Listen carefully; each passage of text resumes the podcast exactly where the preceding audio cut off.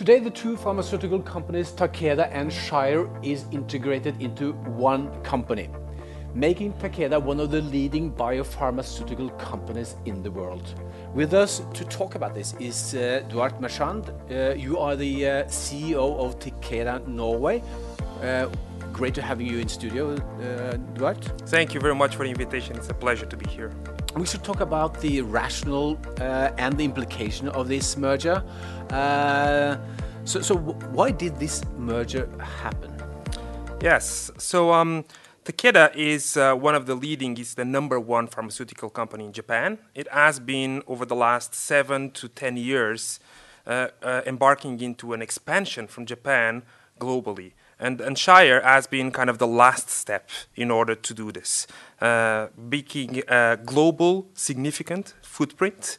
Uh, becoming one of the top 10 pharmaceutical companies was a big ambition uh, for, uh, for Takeda but also to diversify our portfolio into areas where actually patients really need uh, to have solutions. Mm. And Shire and Takeda really became a fantastic fit together to bring on that diversification and focus on areas that are uh, that are of high importance for patients. Let's talk a little bit more about the synergies between uh, the two companies. This was is a, is a tremendous, huge takeover. It was 62 billion dollars, or approximately seven, 600 uh, billion Norwegian kroner. That's uh, that's one of the largest in the pharmaceutical history. Uh, so, so, what are concrete the, the synergies between the two companies? Yes, so um, I think that there's many reasons for this uh, for this merger to actually make sense.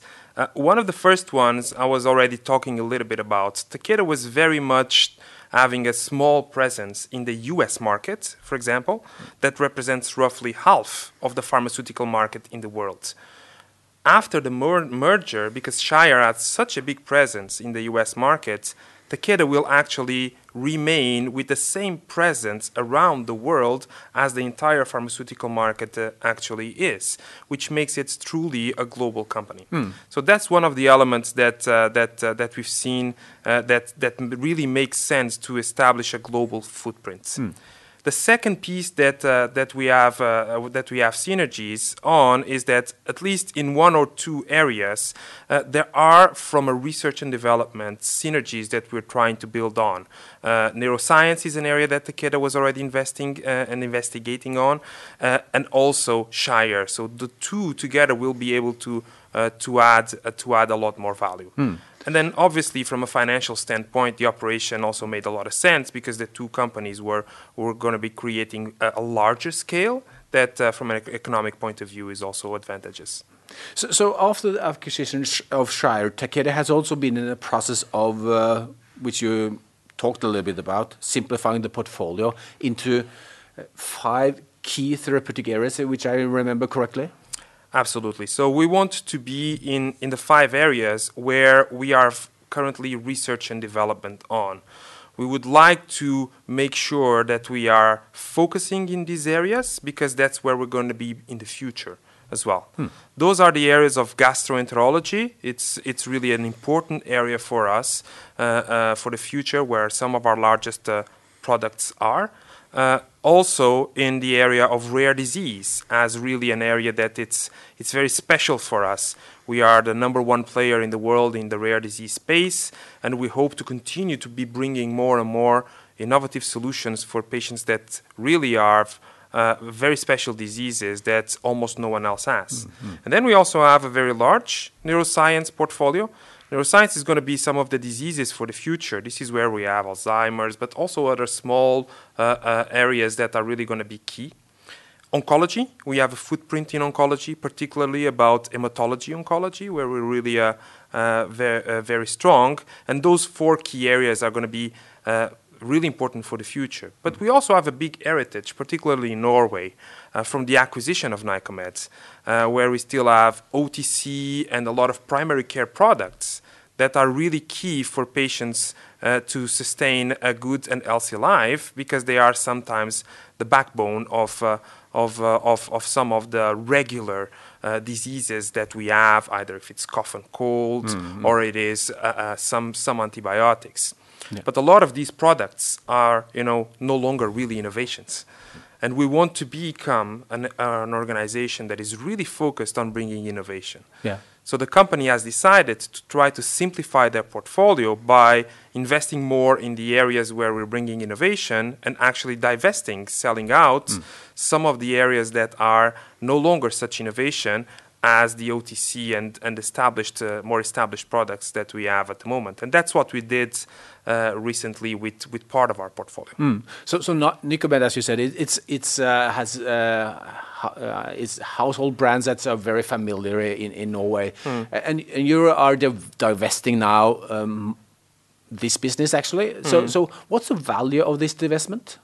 Yes. So uh, the value of this divestment is expected to be upon closing uh, close to uh, to half a million uh, uh, uh, uh, euros, uh, and uh, and it's obviously uh, tremendously important uh, uh, for us because because we wanted to make sure that we were finding a partner that could take care of some of these household brands uh, and uh, and would bring it on. And luckily, we found a Danish company that is really interested in growing into this area. So Orifarm is going to be taking on some of these household brands. Takeda and Nycomed uh, still are one because we are still having a significant presence with the factory that we are keeping here. Uh, and uh, and investing in uh, in making sure that we get uh, that we get uh, uh, uh, employees and contribute to the society from an economic standpoint. The factory is remaining with Takeda, although some of the products that they produce are being divested. Uh, but the footprint that we have in, in Norway will continue to be very significant. Mm. So, so what are the implications for the employees in, in, in Norway, which you, you started to say a little bit about? The the, the factory will st will still remain in, in Takeda hands, but but uh, to be more concrete, what, what's the implications for people working with Takeda? Well, whenever we make these type of deals, we're always making sure that we account for the employees that uh, that are affected. In the case of, of the of the deal that we've made, uh, uh, the employees are expected to transition to the new company as they are a, a key part of the reason why there is value uh, in this portfolio. It's the people that actually work with it. Uh, uh, over and beyond the products that we have. So, uh, so they are obviously a, an important asset that the buyer is also very much looking forward to. Shire, uh, the company was focusing on, on rare diseases, and, and Takeda is increasingly focused on this therapeutic area uh, and, and strengthen its focus here. Um, can you? And, and there is a, a, a tremendous unmet medical needs uh, in these groups of, uh, of patients. Can you tell a little bit about more, more about your strategies and way forward on on on, uh, on focusing on these uh, unmet needs? Absolutely. Uh, if you think about the number of rare diseases that exist, which are roughly 7,000, only 5% of these have actually treatments. Uh, so there is a significant uh, proportion of patients that have absolutely no response or very poor response to the available medication. Uh, our strategy is to really focus and bring innovative products for these very small patient populations that really have uh, no alternatives uh, whatsoever. And we are present in, in, in many uh, different types of, uh, of rare diseases, uh, from genetic diseases where you're really born uh, with some of uh, this genetic uh, uh, uh, alteration that provokes these diseases, uh, all the way through uh, uh, blood. Uh, uh, blood-specific diseases uh, uh, and and immun- immunodeficiency diseases. So the, the spectrum of rare disease that we cover is actually quite broad, and we're making a significant investment in R&D to expand this area, uh, not only in the rare disease space as we call it, but also within the gastroenterology, the neuroscience, and the oncology area to focus on very small patient populations that have nothing. And I can give you an example. We're bringing a, we're bringing a product to, to market uh, not far from now for a very specific type of uh, lung cancer Uh, uh, patients where for that mutation hmm. there are roughly 2,000 people in the world that have that disease. So this is really a micro, micro patient population. But the expectation of life for those patients is tremendously poor. Hmm. Perhaps one of the poorest of all of the different types of hmm. lung cancer. So, uh, with our drug, we hope to expand very significantly the life expectancy of a patient with that type of mutation and really bring a lot of value for that very small patient population. S- So how, how is it to research uh, new drugs with these small small diseases? Uh, we, we of course uh, obviously for for large diseases like uh, heart uh, heart diseases and also the big cancer diseases, it's it's it's uh, it's easy to understand. But when you target a very minuscule uh, target group or, or patient group, how how do you really do that? it's it's really hard, and there's several dimensions on why this is really hard. First one is the one that you're mentioning. There's so few patients uh, that actually have uh, have this disease that in order to make a robust case to prove the efficacy and the safety of a drug there, you need to recruit several patients. But the population is so small that you need to rethink the way that you do R&D to actually use artificial intelligence, use a lot of a lot of different tools to be able to find those patients first and, and foremost, and then afterwards test within a small portion of those patients and yield results that are good enough for us to prove efficacy and uh, and uh, and uh, and safety. And obviously, we're collaborating a lot with with uh, regulatory agencies like the FDA and the European Med- Medicine Agency and and the Norwegian uh, Medicine Agency to to bring this to to life. But we cannot compare, for example, a rare disease to a study being done, for example, for uh, even a COVID vaccine right now. Exactly. So in, in just a few months, it was possible to recruit 60,000 patients uh, for a, for a COVID-19 vaccine uh, that uh, Johnson & Johnson just started now. Uh, for example, while there are no 60,000 patients on the type mutation that I was talking about. No. So, so it's completely different approach Yeah. to this. And it would also create also different hurdles into access into the system.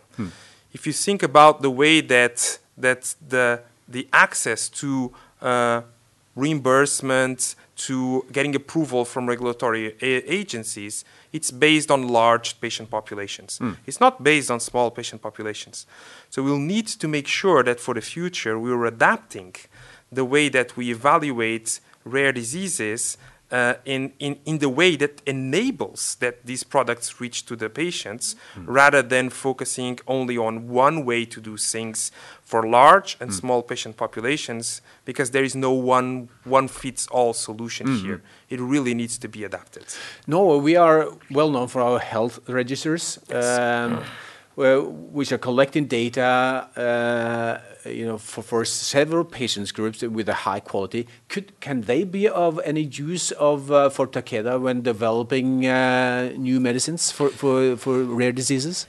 Absolutely. So uh, I- I think that that's uh, that's a big part of the solution. If you think about when you're developing a drug, you the wide public now knows that we have phase one, phase two, phase three.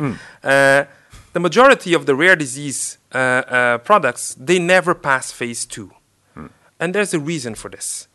They never pass phase two because the results, if they are good, because there are no alternatives, it's not ethical to prevent patients from taking this drug and going to a phase three while you already know that these are some results. Yeah, you can't have this placebo group. That will, will be unethical, giving them the standard medication. Exactly. Yeah. So, uh, so then what happens is that how uh, you're going into the market with what we call what we call potentially immature data. Phase three is a maturity phase where you're really having a larger patient population that gives you the really maturity of the data. But if you're going with phase two data, the data is somehow immature how can you then mature data afterwards? You typically do this with what we call phase four or real world evidence studies.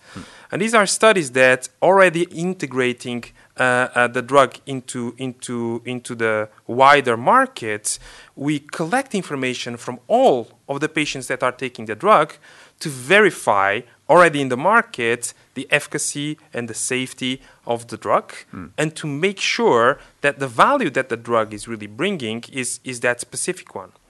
Now, in, in, uh, in Norway, we have fantastic capabilities to be able to do this. Uh, we have a very good investigator base. The researchers that we have here, we're, we're, we're, we're recording from, from, from the, the innovation park. In here, it's Mm. breeding innovation and investigators that are in Rikshospital, in, in Ullevål, in, in, in, in Bergen, in, in many other places, uh, really being able to add a lot of value with a tremendous education. The problem sometimes is that we don't have these quality registers integrated into the way that the products come to market. So there is no way for us to say that uh, this is the data that we have so far. Let's introduce a product now into the market and continue to evaluate it. And if by any chance the product is not as good or is better than what we expected, also the way that the pharmaceutical companies are reimbursed or the way that the pharmaceutical companies should be paying back is, is not accounted for. So my, uh, uh, my, one of the pledges that Takeda has is that we're going to be making health data an area that can be really important for the Norwegian market. And that can only be done by fully integrating from investigating all the way to getting new products into the market with authorities. We hope that with the goal that we have of quality registers here, the authorities will see that for the future, this can be a tremendous opportunity. Hmm. Do you have any concrete initiatives together with the Norwegian healthcare authorities in this re- respect? Yes, we've tried many times to, uh, to, to bring alternatives, ways to actually introduce medicines where the data was not, immature, not mature. Unfortunately, we weren't able to, to do uh, to, to reach to an agreement. I think that still uh, uh, some of the authorities believe that uh, this can complicate things, although we try to simplify it as much as possible. But we have tremendous examples of actually partnering with physicians to actually to actually improve the patients' lives by using some of these technologies. So, uh, not that long ago, we initiated uh, a study that is looking into these registers uh, to actually identify which type of patients with inflammatory bowel disease uh, should actually be at a higher or a lower risk based on inputs that they bring in or measurements that they can themselves put into an app. So if you put every day or every week certain measures into an app that with an uh, AI al- algorithm behind identifies what's the level of risk that you have from really having a relapse or having a bad outcome or a, or, a, or, a, or a need for an hospitalization. And then that actually triggers a signal to the nurse or to the physician. Uh, and you should only go to the hospital if you are at risk. Uh, you should not be going into the hospital if you don't need to, which at this time, when we are having a flood of, uh, of people going into the hospitals because of COVID 19, becomes really relevant. We should be finding efficiencies also in the way that the healthcare system works, and we in Takeda want to be a partner to be able to do that. But you, you are obviously very enthusiastic about the, uh, the work you're doing. Uh, you come originally from Portugal. Yes. Um, like Norway, uh, a country in the outskirts of uh, Europe. Yeah. Um, so how is it uh, to come to Norway and, and manage a, a, a big international pharmaceutical, biopharmaceutical company? Well, it's uh, it's uh, I, I think it's a cultural journey Yeah. that uh, that has been tremendous in my personal life. So uh, I've never cross country ski before I came to, to, to Norway, and uh, I think it was uh, one and a half months uh, after I've uh, joined. Uh, the team brought up some skis, and we were we were having an event somewhere in the mountains, and this is where I started first started to to to actually fall a lot, which uh, which afterwards really became something that I absolutely love and enjoy doing, uh, putting on some skis and uh, and uh, and going for for a walk. You know, adopting really the Norwegian uh, lifestyle, Yeah. going into hytta, uh, Yeah. uh, enjoying the nature, Yeah. uh, and and uh, and really loving what to do this. And my two children were born here, Yeah. so uh, uh, regardless uh, of how long I'll stay in in, in Norway or not, uh, uh, Norway will always be in my heart Yeah. because they were born here and, and raised here. Yeah, yeah that's great. Hmm. So, so, so what, what can Norway learn from other healthcare systems that you have experienced during your career?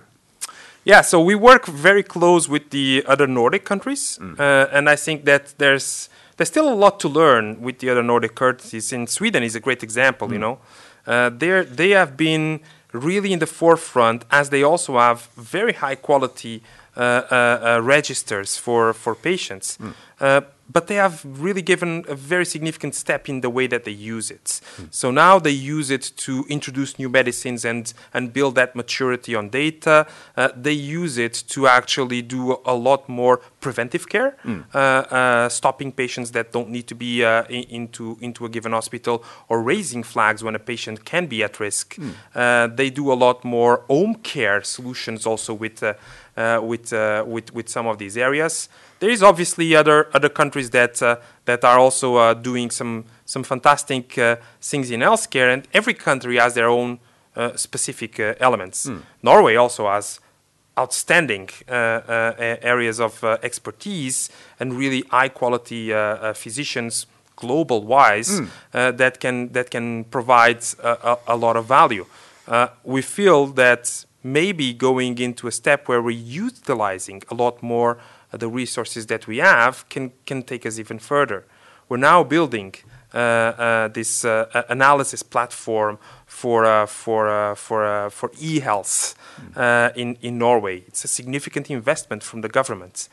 We hope that uh, you know the the the pharmaceutical industry, with being experts uh, in handling data for the past 50 to 100 years, uh, and and actually building a lot uh, on. Uh, on uh, on uh, on this data, always safeguarding the patients, uh, can be a true partner there and and help bring solutions from other countries into Norway to improve the healthcare system.